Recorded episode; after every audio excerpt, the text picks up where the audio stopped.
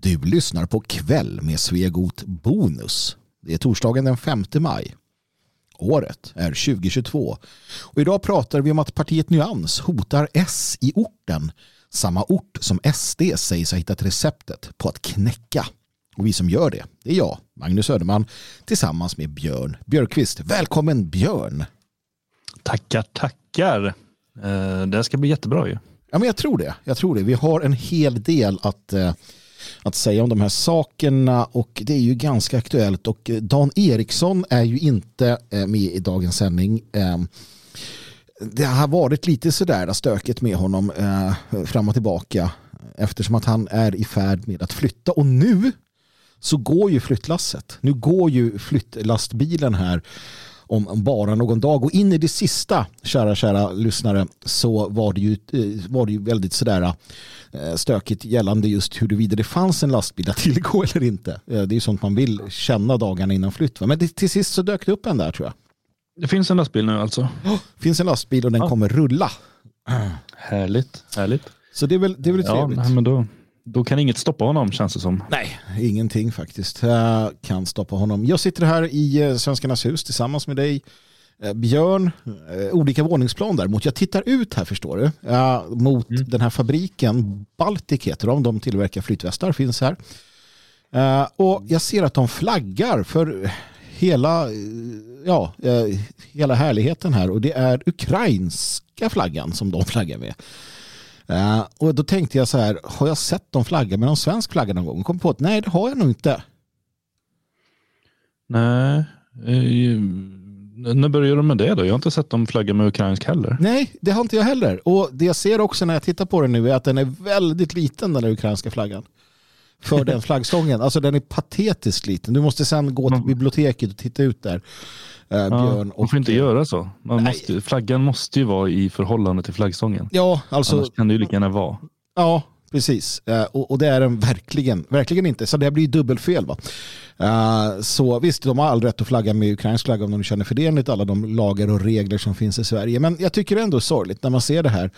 Uh, hur det flaggas med ukrainska flaggor. Det tycker jag inte är sorgligt i sig utan just att det är samma personer som aldrig någonsin har tänkt flagga med en svensk flagga eh, tycker att det är lämpligt att då flagga ukrainsk flagga. Eh, den där, den, där, den där oförmågan att vara stringent kan jag då tycka är hopplös ibland. Ja, men jag vet inte, de, de ser väl flaggstången som, som en marknadsplats eh, eller marknadsföringsplats.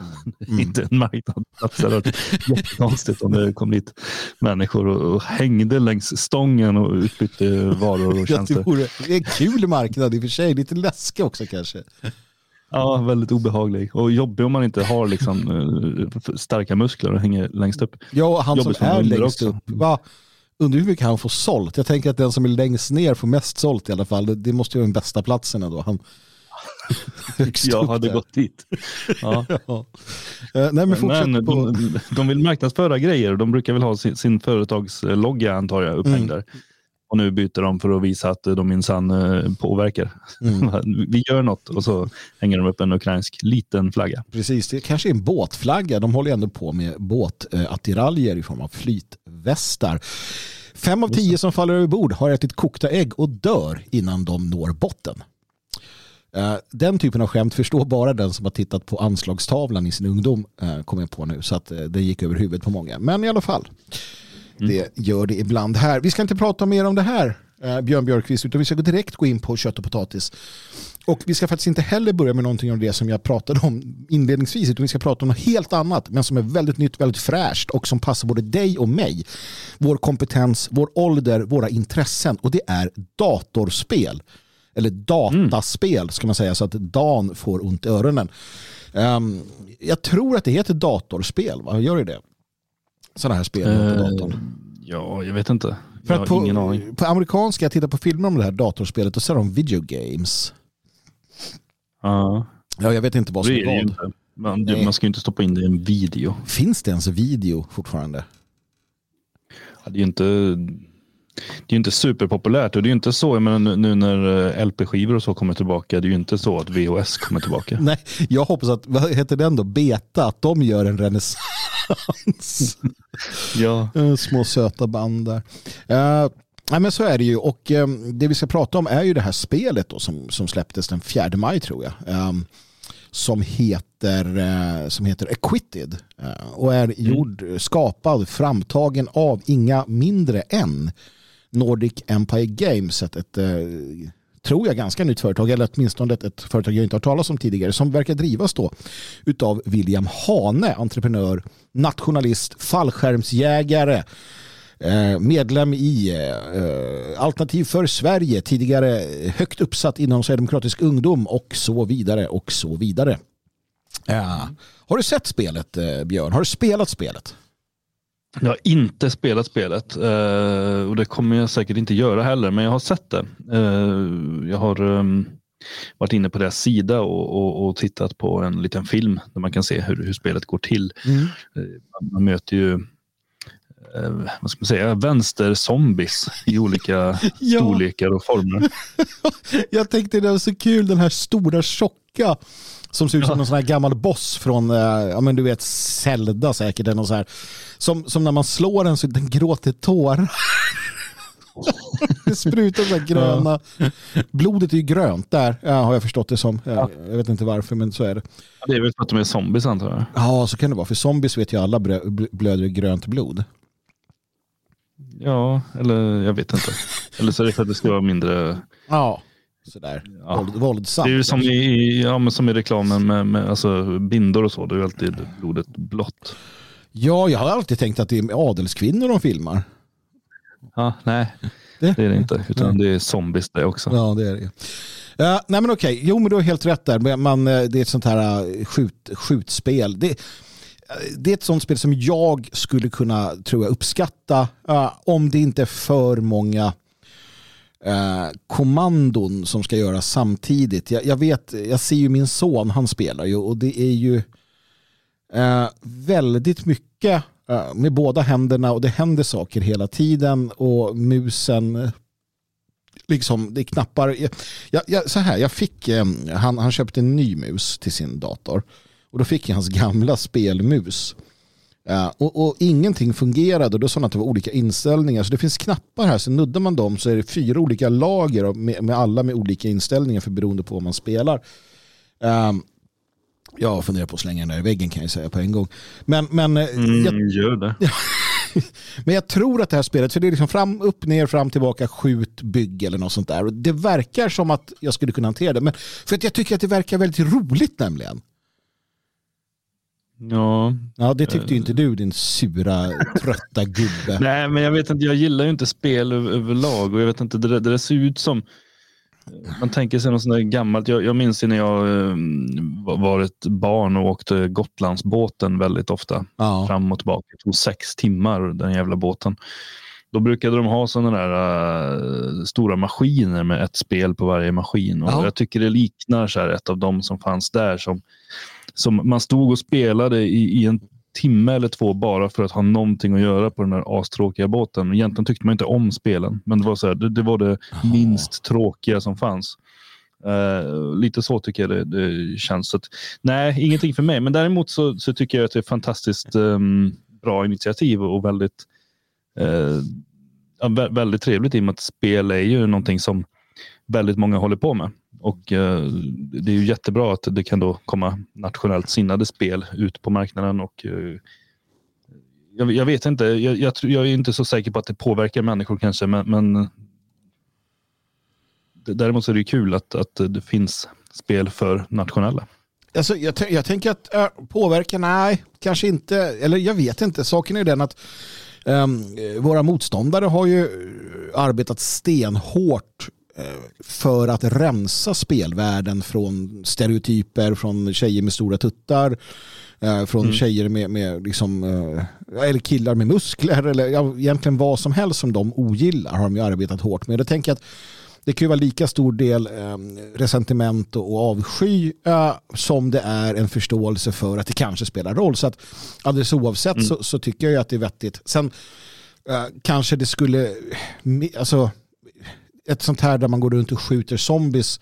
Men, men det, som, det som är positivt, det är ju ändå att eh, zombiesarna i det här fallet, de har sovjetiska flaggor, de har AFA AFA-symboler och, och, man går och skjuter dem. Det är ungefär som Wol Wolfenstein äh, där mm. du gick runt och sköt nazister. Det är klart att du någonstans sådär, äh, ja, äh, känner att, ja, inte vet jag. Men, men här skjuter du då eh, anti, antifanter och liknande och det är rätt tid också för att man ser de här sticka fram sina fula nynor, nunor eh, lite överallt. Och du, du har ändå en, en eh, du har ändå en storm som, som känns ändå komma närmare hela tiden. Jag har ju sett nu att det har börjat med, med upplopp i USA igen då i Portland och andra städer i Washington på grund av den här eh, högsta domstolen-dokumentet som släpptes, eller läcktes heter det.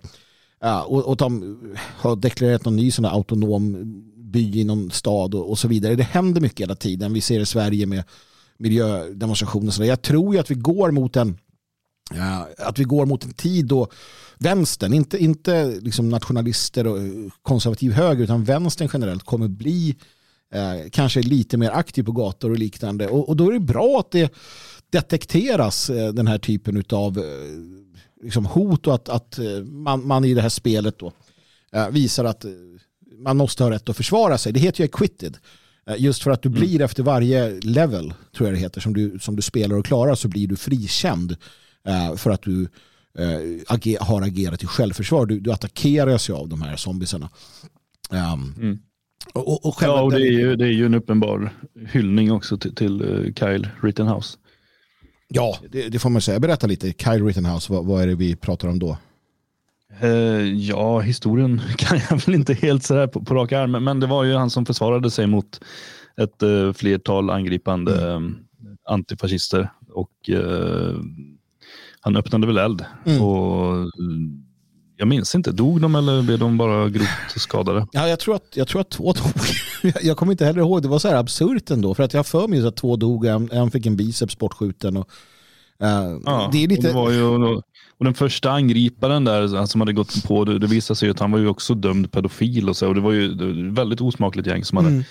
angripit honom. Men det slutade med att han blev frikänd i och med att han hade agerat i självförsvar. Då. Mm. Och i, i, USA så får man ju försvara sig på ett annat sätt än vad man får göra till exempel i Sverige. Mm. Ja, precis.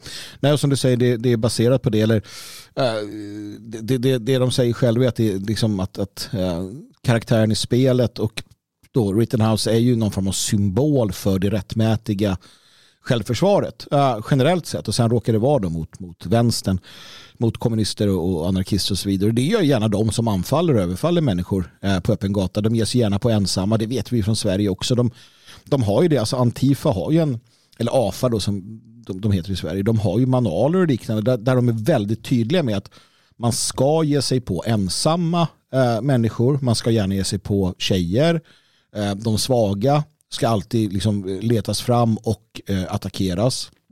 Eh, för att det är så man arbetar inom den, inom den eh, liksom, politiska ja, ideologin, den, den gruppen människor, det är så man jobbar. Eh, och det gjorde man också då i, i Kenosha i Wisconsin. Uh, I samband med en BML-demonstration eller vad det var. Där man då uh, singlade ut Carrie när han var 17 år gammal. Han hade varit där i två dygn tror jag för att um, dels hjälpa till och skydda en, en, en anläggning, någon, någon, så, företagare då, tillsammans med andra. Och sen så var han också han är sjukvårdsutbildad. Så att han var liksom på plats för att också kunna hjälpa människor från, från alla sidor som blir skadade i de här kravallerna som, som pågick då. Och då singlar man ut honom, attackerar honom och försöker, försöker döda honom.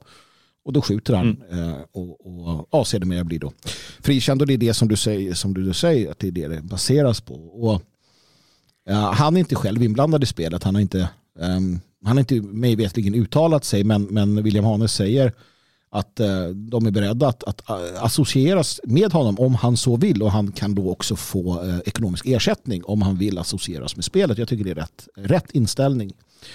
Mm. Helt enkelt. Så att nej, eh, responsen då, eh, reaktionerna på det här spelet, har du, har du sett några sådana? Uh, Nej, inte jättemycket egentligen. Jag, jag har ju sett en och annan artikel och, och, och att det har um, skrivits om det lite överallt på, på sociala medier och sådär. Men jag har mm. inte uh, nej, men jag har inte sökt heller speciellt nej. aktivt. Det är väl som vanligt i den bubblan har jag förstått det som att det har varit en del eh, vänstertårar och eh, outcry att, att det är fruktansvärt eh, såklart eh, det här då. Och då Andy, Andy Ngu, New, nu heter den här um, journalisten, amerikan.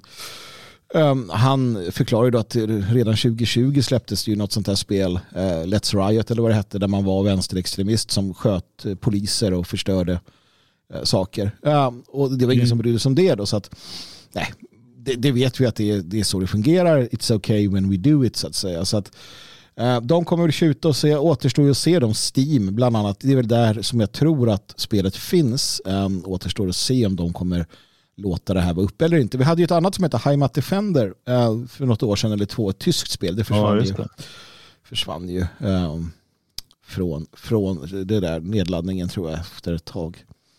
Ja, och, och det där visar ju någonstans att, att det ändå att det påverkar, att spel påverkar mm. mer än vad jag säkert fattar. Ja, ja. I och med att de får sån panik. Uh, så, så, att, uh, nej, vi får hoppas att de får bli kvar och annars att de hittar andra vägar att nå ut. Mm. Att, uh, allt som skapar vänstertårar är ju underbart.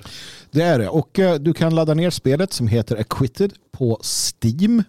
jag kommer själv när jag kommer hem idag ladda hem det, betala för det och se till så att min son Uh, han spelade Heimat Defender. Han tyckte inte det var särskilt roligt så att han slutade med det och fortsatte med Minecraft istället. Uh, men däremot så, så tror jag att det här kanske kan uppskattas på ett annat sätt. Det här var, jag tyckte det här var mycket, såg mycket trevligare ut um, än, än Heimat Defender. Um, och uh, det finns en story bakom. Jag, jag visade uh, Kyle Rittenhouse öde för sonen och, och, berättade vad som hade hänt och så han fick se bilderna. Uh, han fick se vad som hände där på Kenosha på gatorna och så där. Och så tänkte jag, ja men här och här är spelet liksom. Uh, där du kan mm. vara den här hjälten och det tyckte han var häftigt. Så att Eh, det ska laddas ner så, så länge det går. Fyra dollar kostar det om jag inte missminner mig och det är ju väl värt eh, de pengarna. Så hoppas vi att, att eh, Nordic Empire Games fortsätter med den här typen av arbete och utvecklar liknande. Tänk att se en, en Doom-inspirerad ett Doom-inspirerat spel med, med den här typen av den här typen av motståndare eller liksom story. Det hade ju varit någonting kan jag tycka. Mm. Jo, nej, men det finns, det finns helt klart potential och, och um, jättekul att de har kommit igång. Mm. Uh, det, om det, nu ska vi väl gå in, uh, simma in på vatten som vi kanske känner oss lite mer hemma i, Björn, och, och lämna uh, det här spelet och, och, prata om, om Morgan Johansson. ska vi bland annat prata om och, och Socialdemokraterna och ta fasta på att de äntligen har erkänt det som vi kanske har eh, sagt ganska länge.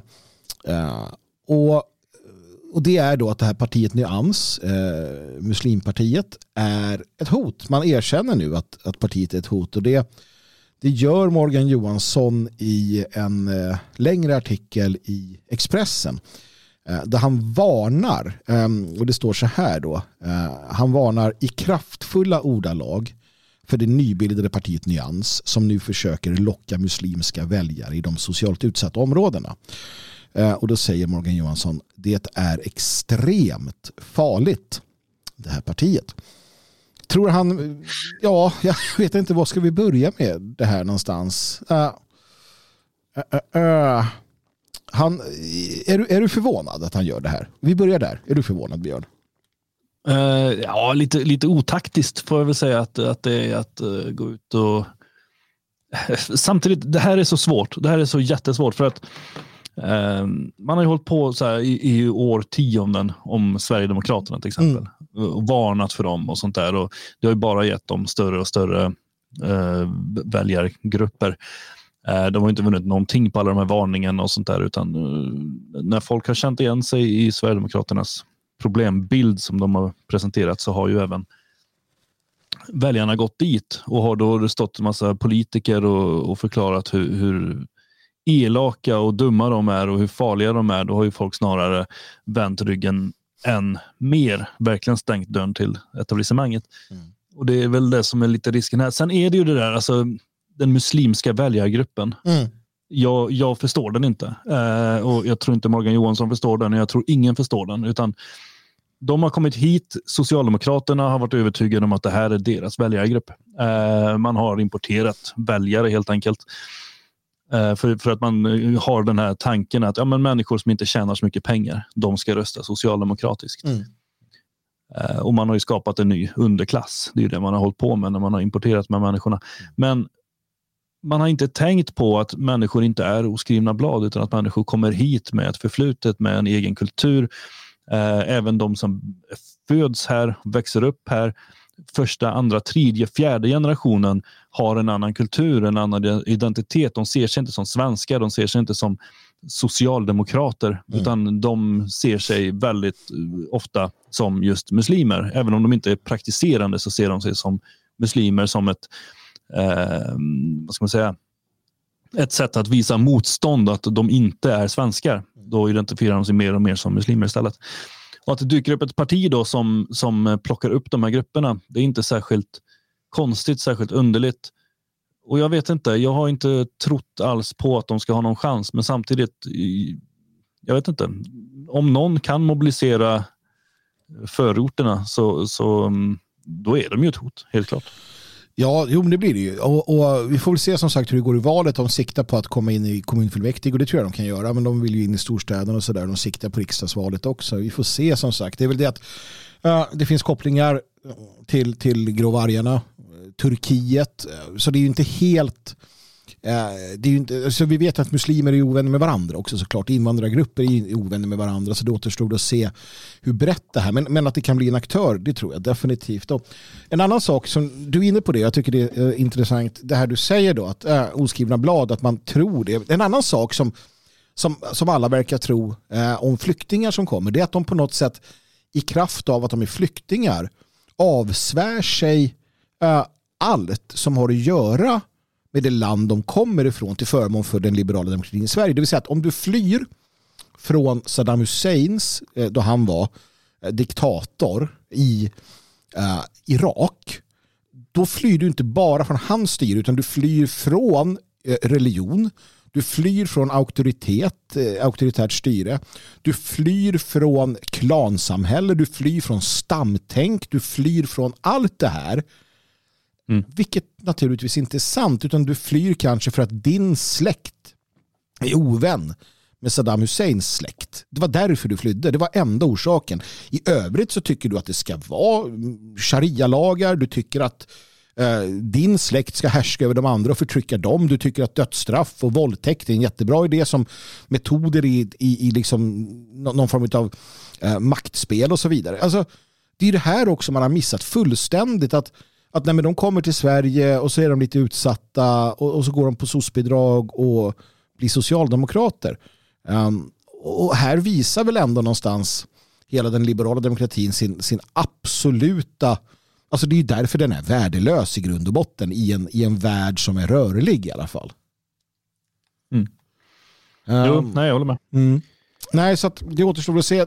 tittade lite på det här med partiet Nyans. Det är intressant att de har lyckats. De har ju några svenska batikhäxor i, i styrelsen. Eh, Nej. Uh, jo då, för tusan. Om du går in på partietnyans.se så, så har de en bild där på, på det gäng som så att säga styr det. Och det är två eller tre uh, batikhäxor och så vidare. Det, uh, det, det, är intressant att de har lyckats med det. Jag var inne och tittade också på om partiet, vad de står för. och Eh, jag tror att alla oavsett bakgrund, religion och etnicitet är välkomna till partiet Nyans. Eh, visionen är att arbeta för ett mer öppet och tolerant samhälle med respekt för alla människors lika värde och individens egen vilja att forma sitt eget liv. Eh, vi strävar efter att ja. värna och förstärka demokratin och mänskliga fri och rättigheter. Jag tycker det här är fantastiskt vackert. För att de gör ju någonting som den nationella oppositionen egentligen aldrig har vågat göra. Det vill säga att de, eh, eller velat göra, de ljuger rakt upp och ner för att uppnå politiska mål. Han, eh, ledaren där, han var med i Centerpartiet. vi vet att minoritetsgrupper, alltså invandrargrupper när man kommer till Sverige, i Södertälje, då sökte man sig till ett visst parti. I andra delar, jag tror det var Centern där, som alla sökte sig till. och, idag så har de liksom kontrollen, Syrien eller Syrianerna. Alltså i olika kommuner, de, de gör så. De kommer till eh, olika platser och sen så tar de sig in, jobbar politiskt och så vidare i alla fall när, de, när det är medvetna minoriteter. Eh, eller tror du på vad de skriver här Björn? Nej, verkligen inte. Det, det gör jag inte. jag, jag har blivit så fascinerad här nu av Lotta Slim. Mm -hmm. Berätta. Karina Helland. Nej, jag vet inte. Svenska kärringen, batikhäxor. Mm. Eh, som, som eh, gör sig till megafoner för islamiseringen av Sverige. Vad är det för människor? jag vill ju veta allt om dem. Mm. Just nu vet jag ingenting om dem och det, det stör mig lite. Det här skulle jag ju ha förberett innan. Ja, tittat närmare på, på de här kvinnorna. Nej, det är också fascinerande um, att de har fått de här att, att ställa upp. då.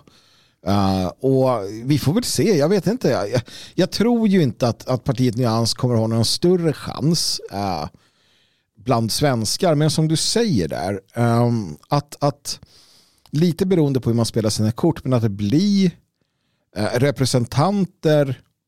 För att det, det, vi ser är ju att det är verkligen så att de här så kallade utanförskapsområdena, alltså orten då, det är ju, det är ju enormt starka fästen för socialdemokratin. Och, och, och hur ska socialdemokratin möta partiet Nyans i Alltså ett parti då som tar ställning för muslimer. Som, som helt oförblommerat säger att eh, man bör bränna Nimis. Det ska vara förbjudet. Vi ska sparka poliser som polischefer som tillåter koranbränning.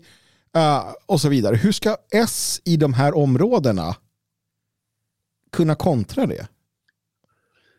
Nej, alltså det, det blir ju svårt. Men, men, samtidigt är det ju att de kan ju inte gå in där som parti. De kan inte gå in som ja, men Socialdemokraterna, det är det här. utan de får ju se till att hitta sina representanter. Jag menar, som hon eh, miljöpartisten som röstades in i riksdagen mm. eh, på sin egen personvalskampanj. Jättelångt ner på listan. Ingen visste vem hon var. Ingen i, ingen i Miljöpartiet i princip visste vem hon var.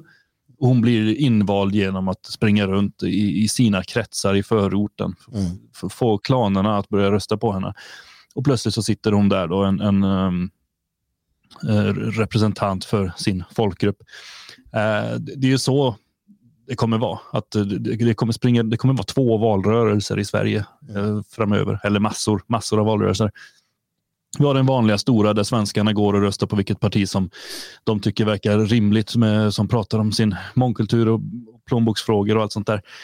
Eh, I år mycket poliser pratas det om. Mm. Men sen kommer det vara de andra representanterna som vi inte vet någonting om, som inte pratar svenska, som inte vänder sig till svenska väljare, som helt och hållet uh, åker runt och i, pratar med människor i de olika kulturföreningarna, i moskéerna, Eh, i, i den typen av sammanhang och som sen kommer ta sig in i kommuner, i landsting och i riksdagen och föra sin politik där för sina väljare. Vi kommer inte ha en aning om vilka de är, vad de står för, någonting. Men det är ju det nya samhället när, när vi har olika Alltså, vi har ju olika samhällen i samhället och det är så vi tydligen vill ha det. Mm. Eh, det är tydligen så vi vill ha det. Och, och eh, Morgan Johansson förklarar ju också att, eh, ja, inte riktigt, han erkänner inte riktigt att han, att han har varit naiv. Men, men han, han konstaterar ju också i den här äh, intervjun, då, han är lite självkritisk. Ähm, för de pratar om de här kravallerna som har varit och så. Um, och problemen just i förorten eller i orten då. Utanförskapsområdena. Uh, och, och, han eh, kommenterar gängen och så vidare. Han säger då att, uh, att man trots inte lyckats bättre beror på att det för varje person som grips finns en annan som är beredd att ta över och så bara fortsätter det. Så ställer man frågan, har det förvånat er? Och han svarar, jag skulle nog säga att det visar att problemet varit mer djupgående än vad många trott. Eh, och då frågar man, än vad du har trott?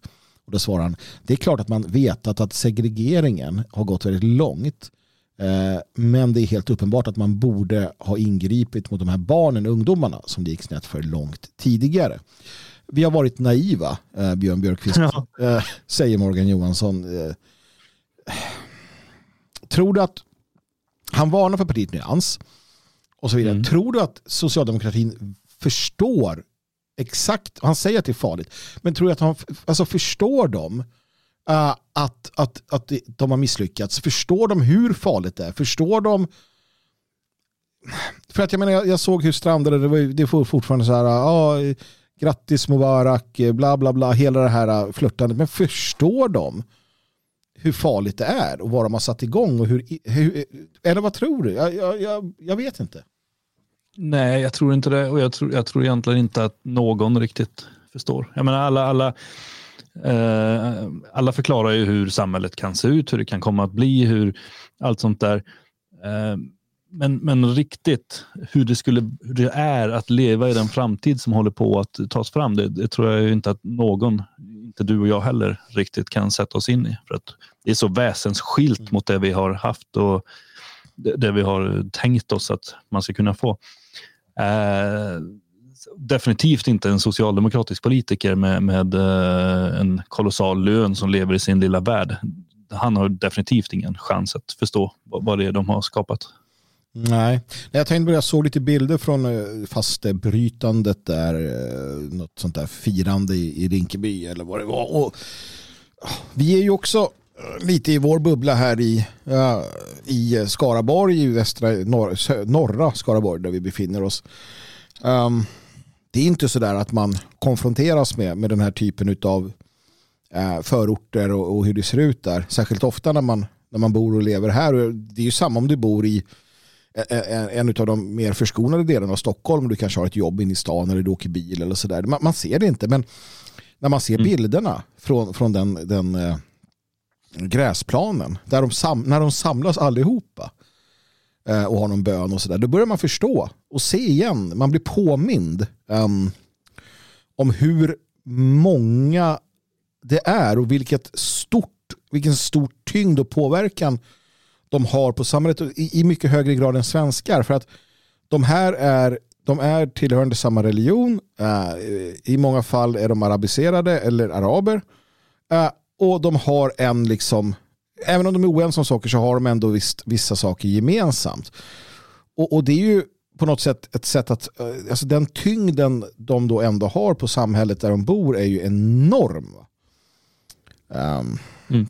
Så att, eh, nej, som sagt, eh, jag tror definitivt att partiet Nyans, om de äh, spelar sina kort rätt, och jag tror att de, alltså jag får känslan av att de gör det. Um, uh, han, han uh, alltså de, de, de, har ju blandat sig i det här med koranbränningarna, de blandade sig i det här med uh, att Sverige kidnappar muslimska barn och tvingar dem att bli kristna i, i familjer och sådär.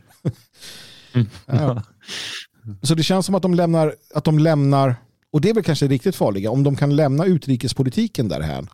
Om de kan lämna den typen av stridsfrågor som finns uh, mellan uh, olika muslimer, då har de nog en riktigt bra uh, förutsättning kanske. Och, och, och ja, fast jag vet inte, väldigt många röstar ju ändå som Alltså som imamen säger eller mm. klanöverhuvudet mm. säger. Och jag tror det är svårt att få dem att eh, bryta sådana mönster, utan de röstar ju hellre på en, en moderat som också är rätt sorts shia-muslim mm, mm. till exempel, än att rösta på ett uttalat muslimskt parti som inte är rätt. Så är det ju. Så, eh, så att, eh, jag, jag, tror det kan vara svårt och jag vet inte, vi har väl inte tillräckligt mycket turkar i Sverige för att de ensamma ska kunna ta det. Så det är svårt att se. Mm. Eller så blir det de här batikhäxorna som får med sig en procent från Feministiskt initiativ mm. avgör. Ja, just det, det också. Ja, det kan vara så. Vi får se, vi får se. Uh, du, uh, vi, vi, var ju arga, många var ju arga på polisens agerande i samband med de här korankravallerna. Uh, tyckte att det var fel att de, att de lämnade och sådär. Jag bara noterade det nu att man har ju nu Eh, identifierat 130 våldsverkare. Eh, och polisen tror sig kunna få ett 300 stycken till lagförda vad det lider. Och min fråga då, Björn, var det verkligen så dum taktik det här? Att de, att de ändå drog sig undan, deeskalerade uh, eh, och, och, och, och fokuserade på att göra utredningsarbete i efterhand. Det hade varit bättre alltså, att riskera polisers liv genom att gå in i någon form av, av inbördeskrigsliknande situation. Um, istället för att göra som man har gjort. Nu griper man dem i alla fall. Ska vi inte vara nöjda med det? Vad tänker du där? Eh, vi ska ju vara glada om de griper dem. Det, det ska vi ju eh, såklart. Men, eh, nej, men det man har gett det, det, man har gett dem, det man gjorde var ju att man har gett de här invandrargrupperna enormt självförtroende. Mm. Uh, att, att det kommer lite rättegångar och sånt efteråt, det tror jag inte de ser som några liksom, superbekymmer. Och om några döms, och en del av dem kommer ju inte ens dömas, utan när polisen börjar visa intresse, då åker de ju till ett annat land. Mm. Uh, de har ju sina familjer utspridda i, i Europa, liksom, så det är ju lugnt. Eh, så att, nej, jag, jag, tycker fortfarande att metoden var helt och hållet fel. Eh, man skulle ha slått till stenhårt eh, mot dem då, för att det är det enda språket de eh, förstår. Att, att låta dem hålla på medan man tittar på och backar undan eh, för att komma tre månader senare och säga att eh, du är misstänkt för brott. Det är ingenting som imponerar på de här människorna. Mm. Nej, det är nog inte det. Och, uh, frågan är också som sagt uh, ställd här utav, uh, vad heter det, vad heter det? Han heter Kurdo Baxi heter han. Han har ställt en fråga eh, eller gjort ett påstående i Expressen, en debattartikel här. Eh, första maj kom den här eh, där han skriver att Paludens kurs SD och nyanser lika som bär. Det är lite intressanta frågeställningar. Han kommer med lite funderingar kring detta. Och någonstans så, så, så är det ju så att Paludans ageranden i, i förorterna de facto gynnar SD. Gynnar ju de facto också Nyans antagligen. Um, och, och, jag tror att Kurdo Baxi med flera som politiker nu, de vaknar upp till en verklighet där, uh, där deras uh, mångkulturella projekt ra, ramlar samman. Och det vi ser är att man mer och mer, uh, folk mer och mer börjar se om sin egen rygg, sitt, sitt eget hus och så här, vilka, vilka har jag på min sida? Är det, är det kon... Alltså, det finns en viss förvåning eller tycker jag i, i, du har läst hans texter. Jag tycker det finns någon viss så här ja, men en viss förvåning över att det skulle vara så. Eller jag vet inte, tror att förstår de det här då? Att det blir så här? Att det här är konsekvensen? Ja, jo men det, det eller nej. det gör de inte. De, de, är så verklighetsfrämmande, de här människorna. Eh, allihop. Jag tror att Eh, Kurdo Baxi fattar det lite grann. Han har mm. flytt ifrån ehm, eh, den här typen av verklighet som han sedan har kämpat stenhårt för att vi ska få i Sverige. Mm. Han har ju hållit på i, i årtionden och försökt ja, men vi, vi ska hålla ihop i Sverige. Vi ska bygga. Det var ju på, eh, jag tror det var på 80-talet eller om det var tidigt 90-tal som han drog igång och alla invandrare skulle strejka tyckte han. Mm. Mm. Eh, låg bakom den, den formen av. Sen har han drivit en tidning som heter Svartvitt i många år. Mm. Under en liten period när eh, Expo inte gick runt. Eh, då de inte fick statligt stöd. Mm. Då eh, gav han ut Expo som en liten del av sin tidning då, Svartvitt. Men, men framförallt så är det Svartvitt som har varit hans mm. projekt. Där, där man har propagerat för integration, för massinvandring och sånt hela tiden. Och han är ju då kurd själv som har stuckit för att han inte fick lov att vara tillräckligt mycket kurd där mm. han bodde. Uh, så att jag menar, han vet, ju, han vet ju mycket väl vad mångkultur innebär. Mm. Men han har ju haft något slags behov av att göra Sverige likadant mm. uh, som resten av den mångkulturella världen. Uh, så att han fattar ju definitivt tror jag. Och det är, när han går ut och skriver här nu att de olika grupperna gynnar varandra. Jag menar, ett starkt nyans gör ju också ett starkt Sverigedemokraterna och tvärtom. Uh, det fattar han. Jag tror inte politikeretablissemanget riktigt fattar det. Men, uh, alltså de enda som blir. De enda som blir svaga ja, i, i det mångkulturella samhället är ju faktiskt mångkulturalisterna egentligen. Mm. De som mm. tror på lögnen, de som tror på, på det världsfrånvända. Uh, och det där kommer vi nog se mer av. Alltså förutom då, då jag menar, om jag tänker på en sån som ja, men, Kurre Baxi och hans gäng eller ta en sån som Uh, Micke Alonso, hans gamla liksom, projekt, han var ju då en, en av de här som var antirasister på 90-talet uh, som, som sen gick vidare och gör något helt annat. Mycket mer ärovärdigt arbete idag än han gjorde då.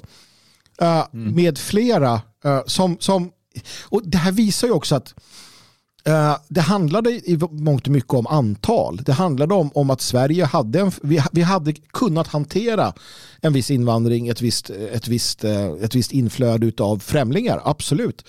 Uh, om de hade, som Kurdobaxi med flera, blivit integrerade, nästan assimilerade. På riktigt. För att jag menar, Kurdobaxi är nog jävligt lite kurd och jävligt mycket svensk. tänker jag i alla fall. Micke Alonso definitivt. Eh, han spelade ju till och med punk i Stockholms Negre för guds skull. Nej, men det finns sådana, ta Paolo Roberto, förvisso italienare så det går ju inte, men han var ju också en symbol för det här äh, mångkulturella Sverige. Va? Mm. men, men så hade det, hade det stannat där, då hade det inte varit något problem. Men de människorna som drev på den här liberala agendan är ju de som idag sitter där och undrar varför det inte fungerar. Medan vi andra någonstans, alltså inklusive Nyans, alltså de som ligger bakom det med flera, vi är ju produkterna utav det misslyckade samhället, deras samhällsplan. Mm. Eh, ja. Och vi stärks eh, och vi kommer kunna hantera det. Det kommer nog inte de kunna göra. Nej, inte, inte utan att de måste ompröva väldigt mycket av det de har sagt och trott på. Mm. Och Det tror jag är väldigt svårt för många människor. Utan för många av de här, eh, om vi säger batik-vänstern, så, så oavsett om de är moderater eller så, men, men eh, så kommer de ju sakta men säkert eh, dra sig undan, eh, kanske inte uttala sig speciellt mycket, flytta någonstans där de slipper uppleva den verklighet de har skapat eh, och hålla sig där. Kanske någon gång ibland komma med något verkligt främmande uttalande för att när de bor så pass långt ifrån verkligheten, då, då kan de ju också inbilla sig att verkligheten ser annorlunda ut och då kan de ju emellanåt dyka upp i debattsidorna och förklara hur man borde göra mm. och hur det ser ut och hur det är och hur svenskarna inte fattar någonting eh, och att svenskarna i grund och botten är ganska rasistiska och hemska mm. medan de sitter då i sitt vita område och vet hur allting är. Men i övrigt så, så måste de ju och vi kommer se många som kommer att ompröva. Vi har ju redan sett det sedan 2015 och framåt. Liksom, eh, Janusz eh, typer liksom, som ena stunden har hyllat eh, åsiktsförbud och hindrande av fri opinionsbildning för nationellt sinnade och invandringskritiker till att nästa stund försöka vara ansikte utåt för det. Mm. Mycket sådana fräckheter kommer vi se massor av som springer dit där pengarna finns. Mm. Det tror jag också. Och äh, det, det, finns ju faktiskt några som, äh, som ska knäcka de här äh, orten, samhällena, parallellsamhällena du var inne på som, som äh, har lösningen. Ähm, och det är Sverigedemokraterna. De presenterade här ett par sidor äh, åtgärdspaket mot parallellsamhällen. Och äh, jag tänker att vi ska gå igenom den lilla listan och titta närmare på äh, och vi ska göra det nu Björn. Släng alla förutfattade meningar, släng eventuell SD-aversion åt sidan. Vad, och, och, och, och försök se det här utifrån ett realpolitiskt perspektiv. Mm. Vi brukar ju ofta Eh, prata om demografi, vi brukar ofta prata om, om hur, hur verkligheten är beskaffad och så vidare. Och, och i, i, det sammanhanget kan man tycka att den här typen av kommentarer kan bli lite mindre intressanta. Men vi lever i den verkliga världen, vi lever i en värld där partierna faktiskt spelar roll, där människor um, röstar, där vi kanske får se ett maktskifte efter valet, kanske inte och så vidare. Och då, då spelar det här roll och därför ska vi titta på det och, och ge det en, en ärlig analys. Ja. Så ett åtgärdspaket mot parallellsamhällen eh, författat av Sverigedemokraterna och det här kommer då i samband med de här eh, kravallerna och, och ja, det som har hänt på senare tid. Och jag tänker att vi går igenom det här punkt för punkt och sen så, så tittar vi lite på vad vi tycker om det och, och lite sådär sammanfattningsvis vad, vad det här vad det här i sådana fall då innebär eller så. Eh, och den första punkten här det är ju att den beslutade folkräkningen ska genomföras. Det vart ju beslut om det på grund av att eh, Ardalan, nej nu ska vi se, Baylan klickade fel va? Ja, ja, det var någon som gjorde det i alla fall. Fantastiskt bra gjort. Ja, en sosse som, som, som då, en, en tung sosse som, som klickade fel uh, när han röstade. Och för egentligen så ville de inte ha en folkräkning. Vilket man Nej. kan ställa sig frågan varför man inte vill ha det. Uh, I och för sig. Har du hört några argument varför? Varför man inte vill ha det? Ja.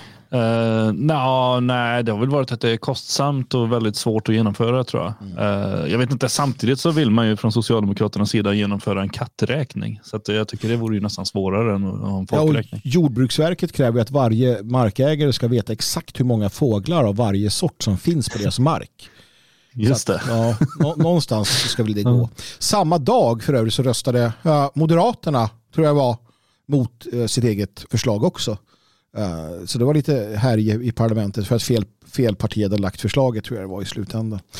Skitsamma. Uh, de skriver här då att uh, man ska genomföra den här um, på grund av att man vill då ha koll på hur många som finns i Sverige beroende på då den, den politik som har förts.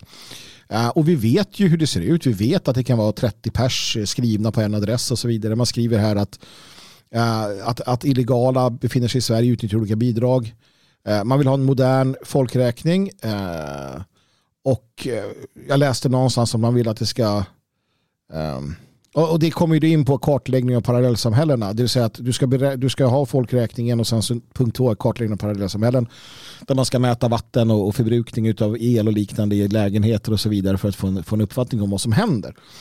Uh, angående mm. folkbokföring och sådär. Um, vad tänker du där? Är det, är det genomförbart? Är det ja, önskvärt? Vad ska det leda till? Hur tänker du? Är det en bra, bra idé det här? Eller? Ja, jag, jag är inte så väldigt insatt i just den här frågan med folkräkning. Eh, jag tycker den verkar väldigt komplicerad att genomföra. Mm. Eh, väldigt svårt och hur gör man? Vad, vad gör man om man tappar räkningen mitt i? Måste man börja om då? Nej, men om mm. man jag menar, har man varit på ett ställe så är det ju, då kan de ju ändra på det direkt när man har gått därifrån. Liksom. De kan ju flytta runt människor hit och dit som de vill ha dem. Jag tycker det verkar jättesvårt. Men eh, säkert rimligt att det, det, borde genomföras. Precis. Uh, alltså det, det, det, jag, jag har inte heller koll på hur det går till. Jag vet att man till exempel i USA har gjort folkräkningar.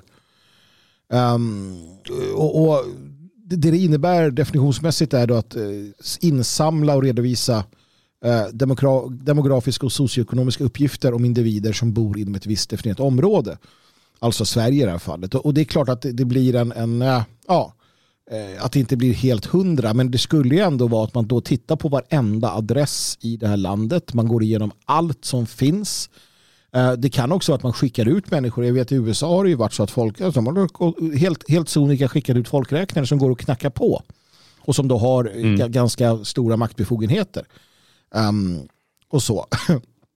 uh, så att um, det, det, är ju, det är ju sant här som de skriver att det går ju inte att göra det som man gjorde förr när man gick hem till bönderna och sa hej hej hur många bor här? Och ja, det är så många och så. Utan det måste ju då ske med eh, mer, mer jävligt offensivt och jag tror att det skulle kunna innebära väldiga, eh, väldiga eh, kravaller och, och, liknande när, när staten ska komma hem till folk i orten och räkna, räkna dem i lägenheterna. Det där ser jag inte. Jag vet inte ens om det skulle gå att genomföra på det sättet utan riktiga bekymmer faktiskt.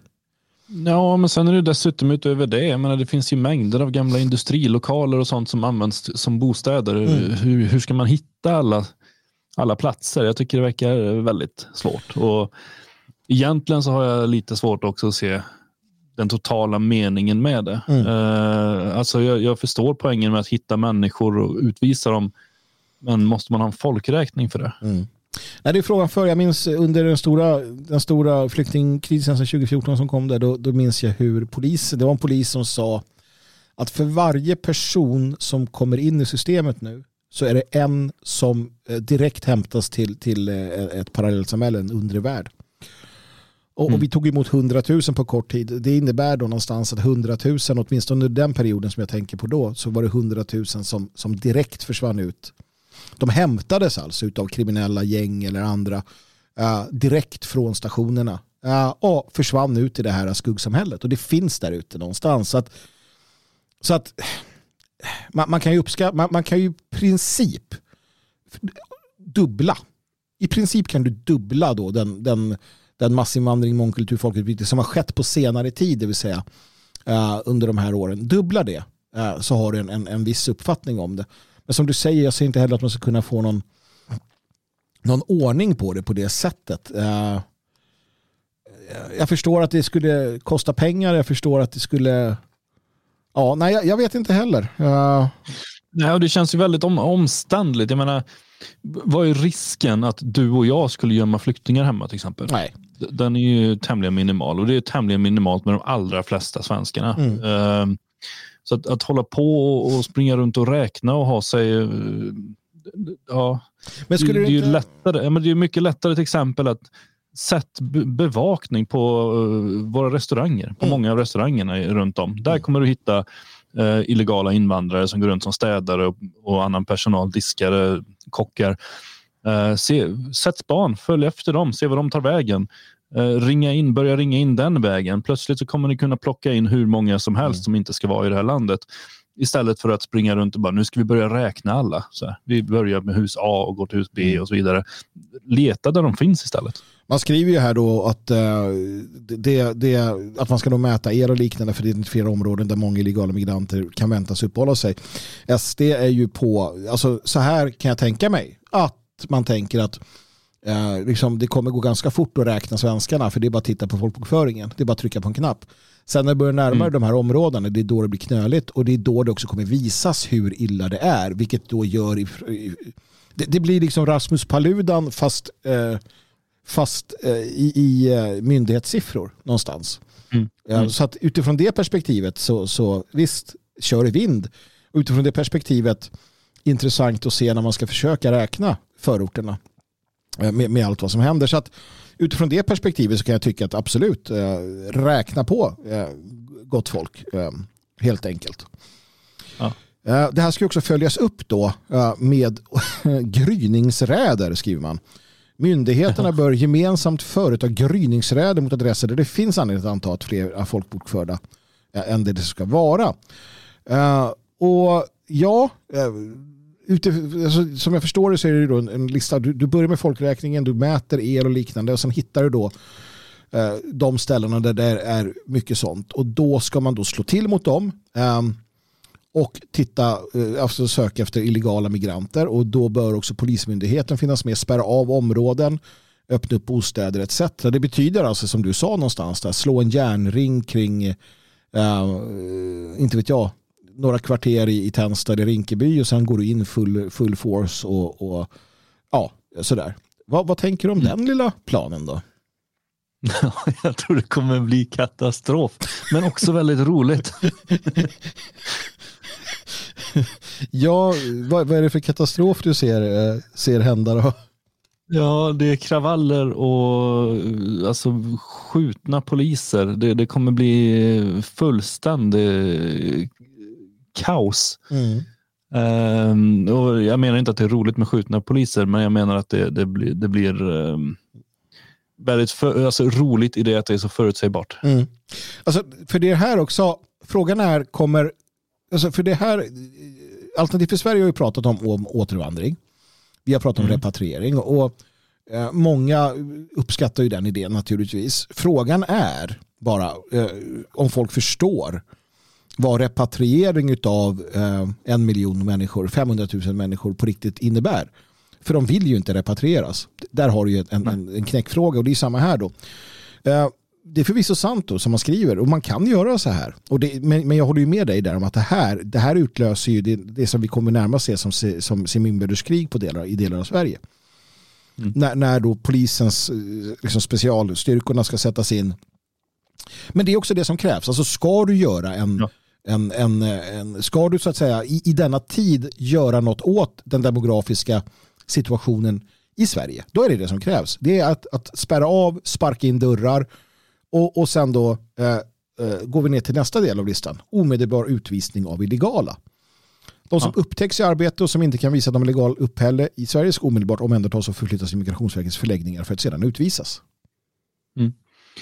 Jo, jo alltså jag, jag tror jag definitivt att det, det här måste ju göras. Uh, jag tror inte det kommer bli vackert, men, det, men det måste göras. Sen är det ju uh, den här biten att, att uh, förflytta dem till Migrationsverkets förvar innan de skickas iväg.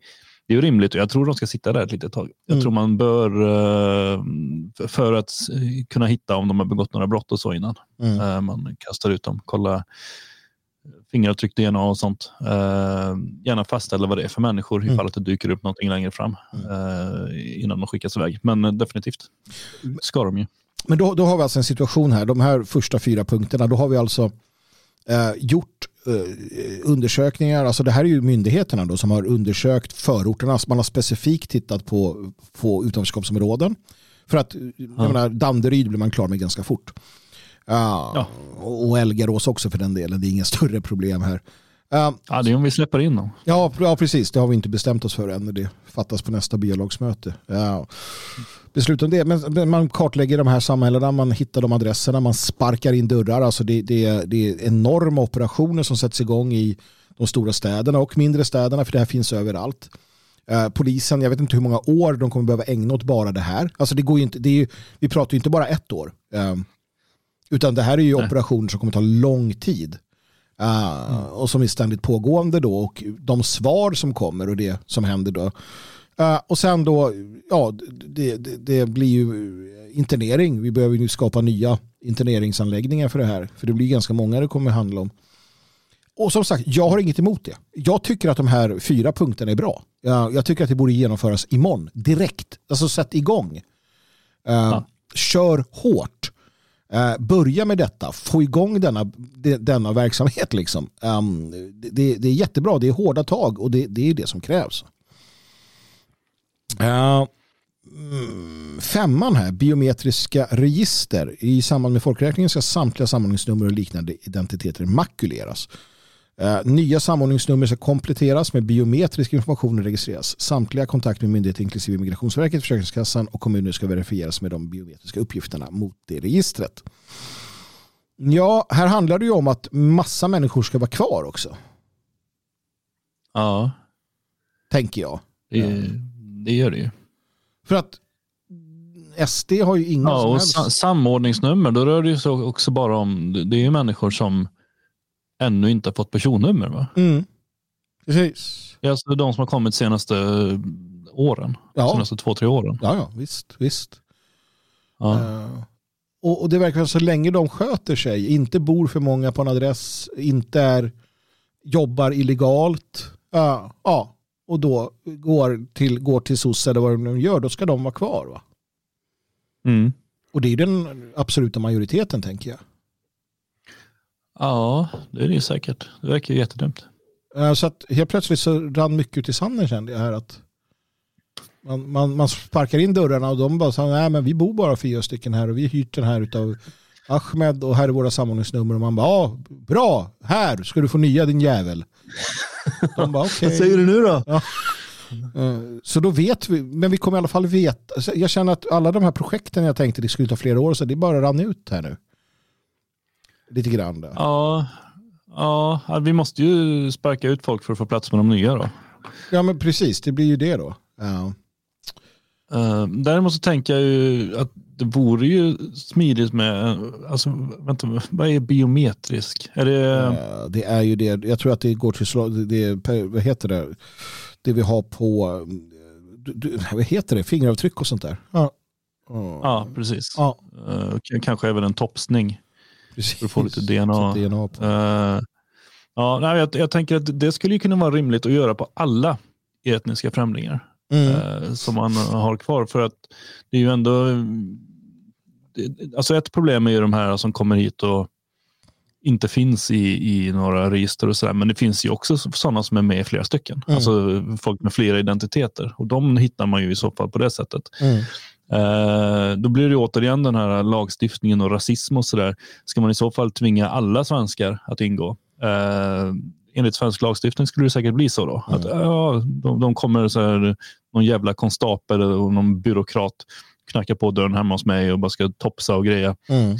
Uh, då kan de ju dra åt helvete för att det är inte mig de är ute efter. Mm. Uh, utan man borde göra en ordentlig, göra om lagstiftningen i så fall. Så att ja, men etniska främlingar. Vilka är de? Det finns ju inga. Jo, det finns det. Mm. De som inte är svenskar och bor här. Eh, kolla dem. Eh, det är ju där problemen finns. Det är ju inte, det är inte så att det, det springer runt en massa svenskar med dubbla identiteter som låtsas komma hit, låtsas födas två gånger. Mm.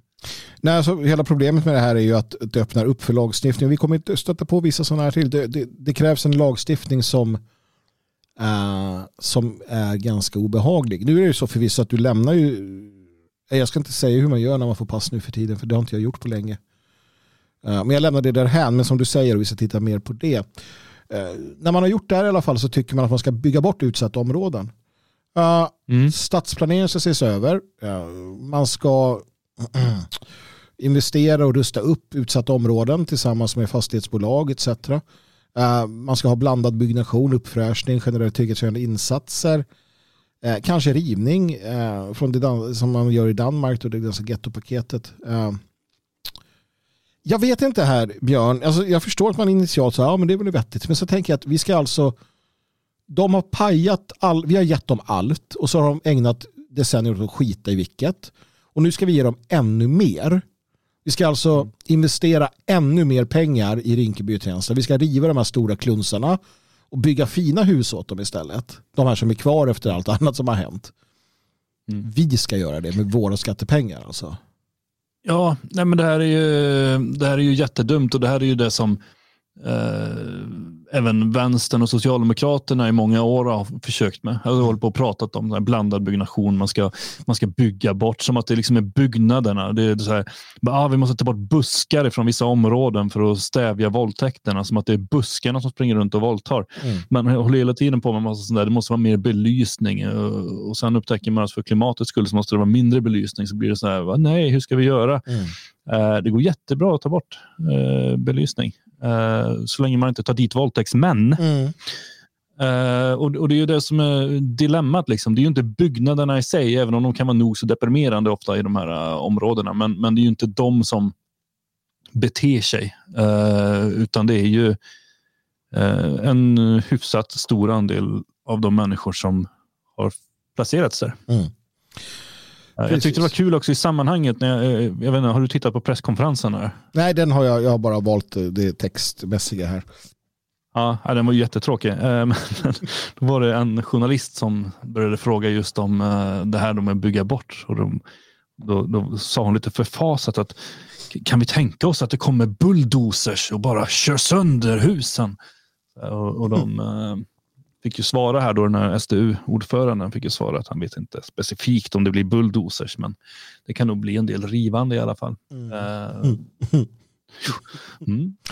Nej, utan som sagt, här, här, tycker jag att man återigen då kommer in på det här med att det kommer vara kvar en väldigt massa människor eh, ändå, då, trots det här vi initialt upphetsat och glatt eh, så blev det så att jaha, en jäkla massa kvar ändå. Så jag vet inte. Men sen kommer man in på det här igen då att det ska vara ett effektivt verkställighetsarbete. Det vill säga att man ska en storskalig insats för att verkställa utvisningar och identifiera personer som saknar tillstånd att vistas i Sverige ska genomföras. Uh, inre utlänningskontroller um, i kollektivtrafik, alltså som REVA då, uh, i utsatta områden och så vidare. Man ska helt då uh, titta på, på de här utanförskapsområdena. Där ska man då alltid vid trafikkontroller och liknande alltid göra utlänningskontroller. Man ska också då antagligen eh, fokusera på dem. Och det tänker jag mig, man ska ändå sparka in dörrarna där uh, hos folk. Så varför inte titta på, på utlänningskontroller generellt sett. Uh, jag ser dock, och det här tycker jag är en bra idé. Uh, absolut, jättebra idé. Uh, kör i vind. Jag bara undrar hur bra det kommer gå för poliserna som ska göra allt det här i de här på de här platserna? Eh, kommer ja, de kommer ju vara ganska många. Jag menar, som det är just nu så undviker ju typ biljettkontrollanter att uh, kontrollera i de områdena. Man mm. håller sig i, i de vita områdena och möjligtvis kring, kring uh, om vi tar i Stockholm, då, kring centralen och sånt mm. där det ändå är mycket folk. Uh, och parkeringsvakter åker inte ut till sådana här områden. Tidningsutdelare undviker sådana här områden. Men, men så här, typ två kvinnliga poliser ska springa runt nu och kolla legitimation på alla som passerar. Mm. Jag tror inte det kommer gå superbra utan vi måste nog tänka om lite kring poliskåren också i så fall. Ja, precis. Det kan vara så. Det gör man ju här. Eh, fler poliskontor. Polisen måste finnas tillgänglig och nära i hela landet och dygnet runt. Uh, särskilt viktigt är att polisen stärker sin position i områden där många kriminella och samhällsfientliga utgår ifrån. På sikt ska nya poliskontor etableras för att skapa trygghet och personkännedom i utsatta områden. Ja, uh, det är ett långsiktigt arbete. tänker jag. Ja, det är det. Ja. Uh, det, det jag är ju lite samhällsfientlig. Ja, jag tänker, jag är också det. Alltså, jag hatar ju Sverige AB och staten, även om jag älskar mitt folk och mitt land.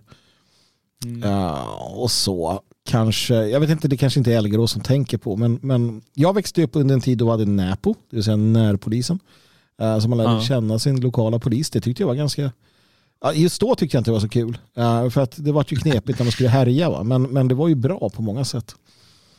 Ja. Frågan är bara, som man har ju sett i de här, ja, om vi säger att det här är någon fallande ordning, så man har ju redan rensat ut väldigt många och man har redan gått in och man, så det kanske går att bygga upp då um, poliskontor när man har rensat ut halva de här och rivit deras hem och börjat bygga upp. när, de, när de är som mest förbannade och hatar allra mest. Ja, men jag tänker att det här kanske, de som är kvar nu efter att allt har hänt, det kanske är sådana som säger ja men det är jättebra med poliskontor.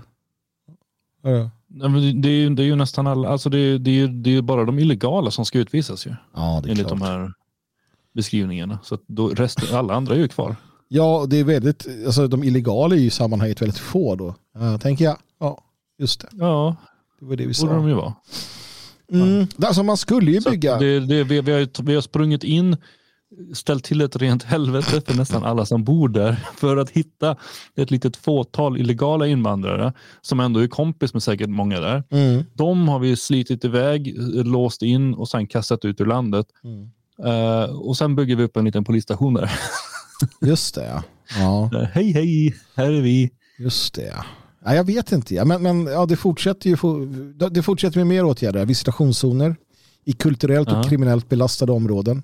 Kulturellt belastade områden, vad fan är det? Ja, Ah, jag gillar formuleringen. ja jag med. Det här är ett kulturellt belastat område. Här har ni en jävla konstig kultur. Jag.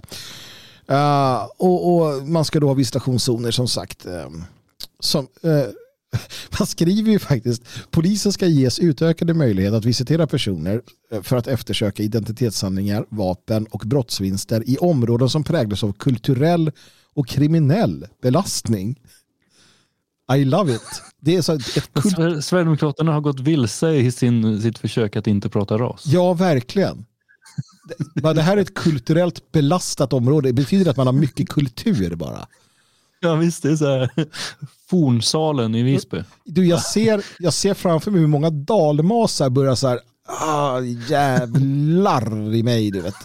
Snuten Ja. stormar på midsommar. Bara, Hallå där, här har ni för mycket kultur i, ja, i liksom Rättvik. För i helvete sluta med kulturen.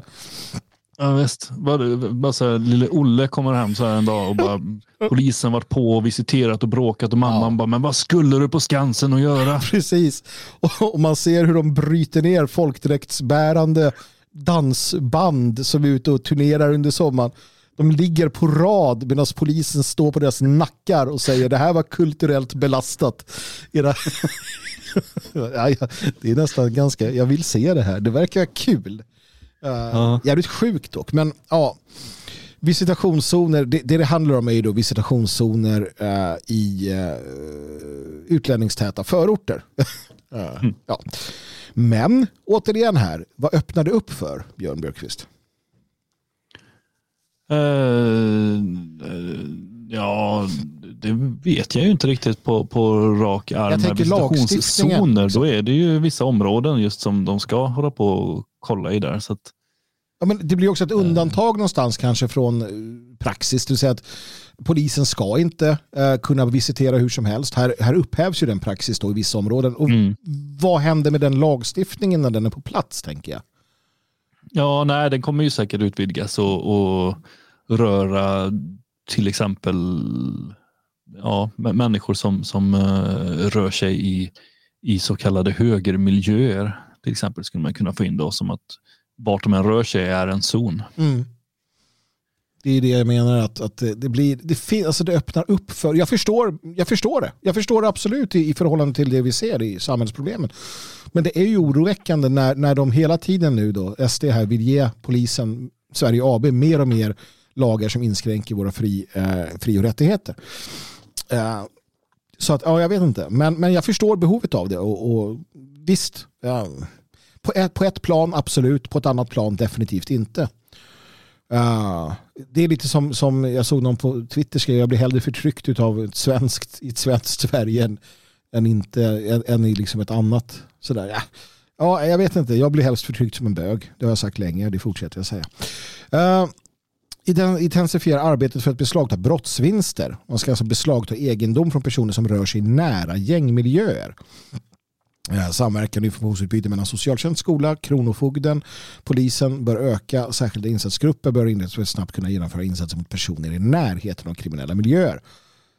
Eh, Jag eh, tycker att ordet närheten av kriminella miljöer är lite problematiskt här. Ja, jo, men den är svår. Det blir ju föräldrar och sånt antar jag att man, man syftar på. Att man eh, med hjälp av kriminella medel till exempel köper en bil som man skriver på sin mamma eller Mm. sin bror eller någonting. Jag antar väl att det är det de vill komma åt, men det är alltid med luddiga formuleringar. Det, det är farligt. Det är väldigt farligt för att det, det, kan det kan öppna för så mycket konstigt. Det kan ju det. I grunden är det ju klokt. Alltså att, att om du tar bort det som kriminella flashar med, det som lockar, det vill säga pengarna, eh, mm. lyxen, flärden, tar du bort det och att det är så här, med, alltså det är så riktigt misslyckat att vara kriminell, du bara luffar runt i, inte vet jag, någon så här gammal vadmalskläder och, och så här, folk spottar på dig, då kommer ju väldigt få söka sig till det. Men om du däremot så kan köra BMW och coola, coolt så finns det ju en lockelse där. Så att jag, förstår, jag förstår det hela. Jag tycker bara att det blir svårt att skriva lagen, känner jag. Ja, men sen tycker jag att det är så polisen ska arbeta. Jag menar, mm. Man ska ju kolla liksom, ja, men den här killen han åker runt i den här bilen. Uh, han är inte skriven på den. Mm. Vem är skriven på mm. den? Och sen kolla upp hur har den här människan råd att köpa den bilen. Alltså, mm. ja, men lite, lite detektivarbete skadar ju inte, men, mm. men att uh, utforma en lag som säger att man i princip ska kunna ta saker från folk som finns i någons närhet. Det blir ju farligt samtidigt som också uh, Sverigedemokraterna ju vill kriminalisera till exempel svenska motståndsrörelsen. Uh, det blir ju det blir väldigt då plötsligt politiskt motiverat att ta ifrån människor och saker. Så bara, ah, men, eh, din son är med i motståndsrörelsen så att nu tar vi ifrån dig din golf. Mm. Eller bara, det blir, det blir uh, en, en väldigt svår lagstiftning som kan bli väldigt, väldigt farlig och, och yttrandefrihetsfientlig. Mm. Uh, kombinera straff i parallellsamhällen med vistelseförbud. Och nu säger man då att de som finns i de här samhällena och de ska då i huvudregel förbjudas att återvända till det bostadsområde där brottet begåtts eller som gänget har etablerats i. Eh, det ska kunna kombineras då med elektronisk övervakning. Eh, brott mot vistelseförbud ska leda till inkapaciterande påföljd. Eh, ja, alltså jag förstår tanken. Jag bara undrar vad händer om brottet är begånget där jag bor? Alltså, ja, för det är ju väldigt ofta det. Ja. Då blir de tvungna att flytta då. Eh, till, till, till ett annat getto. Ja. Där. Vad spelar det för roll? Jag är inte helt säker på den här. Alltså jag förstår den. Och jag förstår att det är en led i att, så här, att du ska trötta ut dem till den grad att de säger jag flyttar från Sverige, jag skiter i det, jag orkar inte det här jävla landet, det är ju pissigt för mig. Um, ja. eller något. Men, men, jag... jo, men om vistelseförbudet gäller Sverige, alltså om det är ja. zonen man tycker att ja, nej, men du har begått ett brott i Sverige, Precis. du får bosätta dig någon annanstans. Mm ja, men jag är ju svensk medborgare. Bara, ja, men du får inte vara här. Ja. Det hade ju varit en, en bra grej. Ja, för att man, det gör man ju inte, men däremot så ska de inte få vara där de bor och ännu värre då, eller bättre beroende på, gör det lättare att vräka kriminella. Hyresvärdar ska kunna vräka den som har en kriminell livsstil eller som begår brott i ett visst geografiskt område. Uh, om man ska då förverka bostäder som används för kriminell verksamhet eller för att husera kriminella. Jag förstår återigen tanken. Jag bara undrar vart tar de vägen? Alltså. Nej, det blir, det blir väldigt svårt. Ja. Uh, alltså jag, jag, kan ju köpa till exempel om vi säger att, att, att man gör en husrannsakan någonstans och upptäcker att det finns någon jävla knarkfabrik eller någonting. Mm. Att, att uh, hyresvärden ska kunna vräka den människan. Men, men att, att, att det bara bor en människa som också är kriminell, det verkar ju svår, svårt att göra det att göra det lättare att vräka dem. Det, det, det verkar ju inte alls särskilt tryggt. Mm. Nej, uh, nej jag, jag, vet fortfarande, jag förstår, alltså, återigen det känns som att det här är en led i ett sätt att göra Sverige uh, så jävla otrevligt som möjligt för somliga och det köper jag också. Ja. Uh, ja. Så att säga. Det, det är bara det att, att, man måste förstå efterdyningarna, man måste förstå att det etableras då lagar som blir, blir prejudicerande som också finns mm. kvar, alltså lite oberoende av det här. sist men inte minst, tvingande förskola från tidig ålder för barn i parallellsamhällen. Det har vi pratat om och sett tidigare. att alla barn, eh, står det här då, barn som har två utlandsfödda föräldrar och som bor i utsatta områden ska då tvingas till förskola eh, för att man ska då få det svenska språket, eh, svensk kultur och svenska värderingar med eh, central eh, blick på jämställdhet. Eh, jag säger bara att det tror jag inte går att genomföra. I det, att, alltså det jag menar är att om du sätter ditt barn på en förskola i Rinkeby så vet vi ju redan att eh, vilka jobb, alltså det är, alltså det är inte en svensk förskola. Nej, i, i viss mån kanske det kan vara det. Jag har jobbat en del i, i Göteborg eh, när jag höll på i flyttbranschen där och varit på eh, olika förskolor där man har satt ihop möbler och sånt till dem och sådär. Mm. Eh, ganska ofta så är det svensk personal eh, och sen i princip bara utländska elever. Då, i, eller jag vet inte om det heter elever på förskola. Barn, ja, interner, jag vet inte. Alltså, små figurer. Precis. Eh, det, mm, för jag minns specifikt ett ställe som jag var på Eh, och vi kom dit eh, halv åtta, åtta någon gång och började montera möbler och konstaterade att det är bara ett barn där.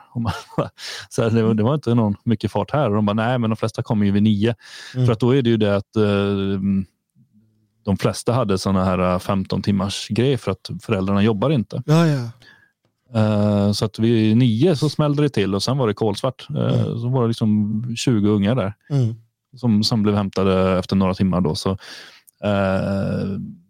men det var ju så här, det var vit personal. De försökte prata svenska med barnen, försökte få dem liksom så här att anpassa sig. och så här. Men jag menar, det, det är ändå bara det enda jag kunde se när man var där, det var ju en enorm kostnad. Mm. Där har vi liksom eh, två utländska föräldrar som inte har jobb och vi ska bekosta att de där ungarna ska vara där och leka och ha söndaggrejer hela dagarna eh, i någon slags förhoppning att, att de ska bli svenskare av det. Eh, det spelar ingen roll, de är där och leker och härjar. Det var, det var ju definitivt skillnad på kan man säga, förskolor och även skolor och även gymnasier där det var mycket och där det var få invandrare. Mm. Eh, en total skillnad och det spelar ingen roll om man försöker få in dem så pass tidigt. Det blir någonting helt annat för att de är någonting helt annat. Mm. Precis, och samma sak där. Jag, tycker inte om äh, skolplikt äh, alls. Alltså punkt slut. Staten ska inte. Och, och, och, här kommer vi till, till summa summarum och det här var sista då. Så att, det, det, det stora problemet och nu landar vi där vi brukar landa tror jag. Att ett fritt, frihetligt eh, samhälle med mycket personliga privata rättigheter och möjligheter. Eh, det som vi kallar för ansvar, att jag är vuxen och jag får ansvara själv för min familj och mina barn. Och, eh, staten ska hålla sig så långt borta från det som möjligt. De ska inte lägga näsan i blöt när det kommer till hur jag lever mitt liv, hur jag eh, tar hand om familjen då, utom i extrema fall. Det går mm. inte på något sätt att ha om du ska ha ett mångkulturellt eh, samhälle. Om du ska ha, eller inte ett mångkulturellt, ett, ett multietniskt samhälle med ett pågående folkutbyte med de attityder och det som kommer. Det, det, går inte. Och det SD här, menar jag i alla fall, du får snart säga vad du tycker, men det SD gör här tycker jag det är bara att bekräfta det.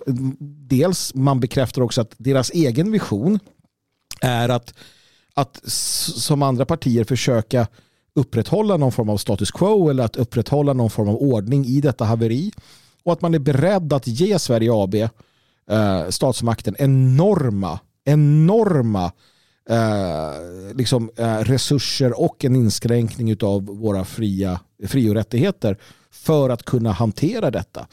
Um, och om det är taktik eller inte vet inte jag. Men, men det är liksom eh, det, det Eh, utanfrån, utanfrån perspektivet jag får när jag ser det här. Även om enskilda förslag kan vara fantastiskt bra så är det ju fortfarande där jag landar. Mm. Jo, nej, jag håller med. För, för att det är ju inga, det är ju inga riktiga lösningar överhuvudtaget utan allting allting är ju framlagt eh, lite grann för att det är val snart och man bara tycker så här, vad, vad sitter folk och säger när de mm. slår näven på, i fikabordet på jobbet? Så det, det, är eh, enkla lösningar som som verkar hårda fast egentligen så är det ju ingenting. Jag menar, hela, hela programmet, hela allting handlar ju egentligen bara om dels att få bort uh, illegala invandrare mm. och dels då att, att uh, uh, jävla så mycket man kan med, med befolkningarna i de här områdena. Mm. Jag, jag, tror inte det kommer skapa någon lugn eller trygghet om det är det de är ute efter, utan snarare tvärtom kommer det skapa mer kaos.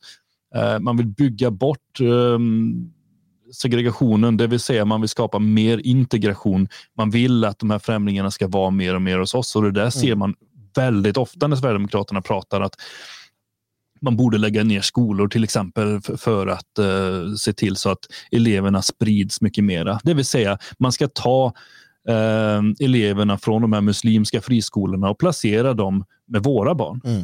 Uh, för det tycker de är en bra lösning på de här problemen. Mm. Det, det, är ju tvärtom, det är, det är total katastrof. Jag vill inte ha dem bland mina barn. Utan ha dem, låt dem ha sina islamistiska friskolor om de tycker det är en bra idé. Mm. Mycket hellre än att sätta dem här. Sen kan jag köpa konceptet med att göra det svårt för dem just för att de inte ska vilja vara här. Ja. Alltså med, med um, uh, det, förbud mot att täcka håret eller vad, vad, som helst just för att jävlas. Mm. Men då bör det vara ganska uttalat tycker jag också. Ja, och det, det hela är lite sent påkommet också. Vi, vi pratar en miljon mm. eh, liksom utlänningar, vi pratar hundratusentals Eh, nyanlända, vad det nu kallas och så vidare. Och vad det gäller då eh, en eller två föräldrar och sådär. Alltså, alltså det, det vi ser eh, är ju, och det är det här som någonstans gör mig så matt och så, så ledsen, det är att det vi ser är ju, inte vet jag, ta Sydamerika, ta favellorna, ta förorterna där. Där du har liksom, polisen gör tillslag med sina paramilitära eh, liksom förband, skjuter någon där, släpar ut någon där. Det bara fortsätter, det fortsätter bara ändlöst in i mörkret. Eh, och, och, och, och, alla bara accepterar det. Något åt det hållet, du har Libanon, du har det som har hänt liksom med, med de här länderna. Det krävs, titta på, ja, men titta på Saddam Hussein och liknande, vad som krävs när de inser, när den, de inser vad, vad de har. Alltså, det kommer inte vara som de länderna exakt, men vi går ju mot detta och, och SD. Jag tror att vi kommer få se mycket mer sånt här. Jag tror att alla partierna eh, alla de partier som har någon form av möjlighet i alla fall kommer ha en mycket, mycket restriktivare politik. Man kommer vara hårdare.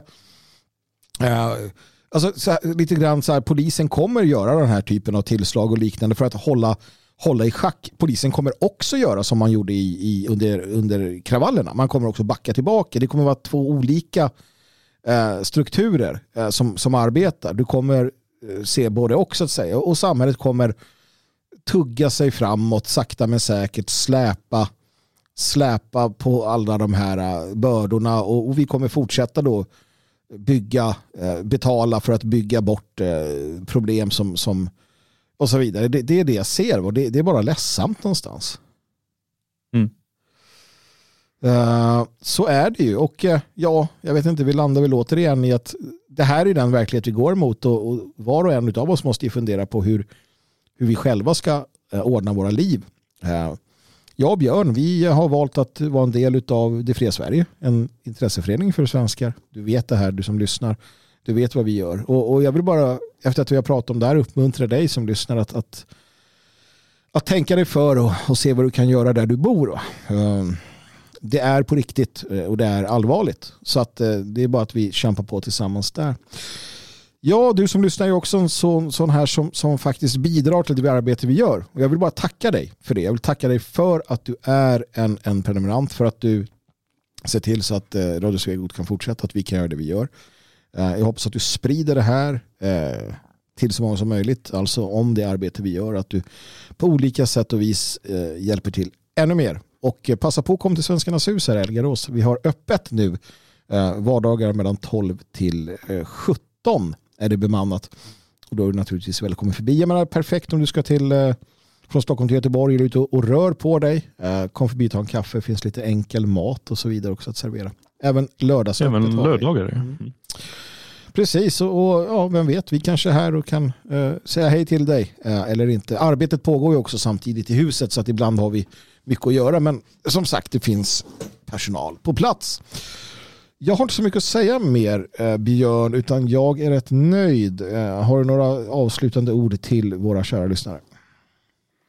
Uh, ja, fånga dagen som man brukar säga. Mm. Lite talesätt. Mm. Hej hej. Fånga dagen. Hej då.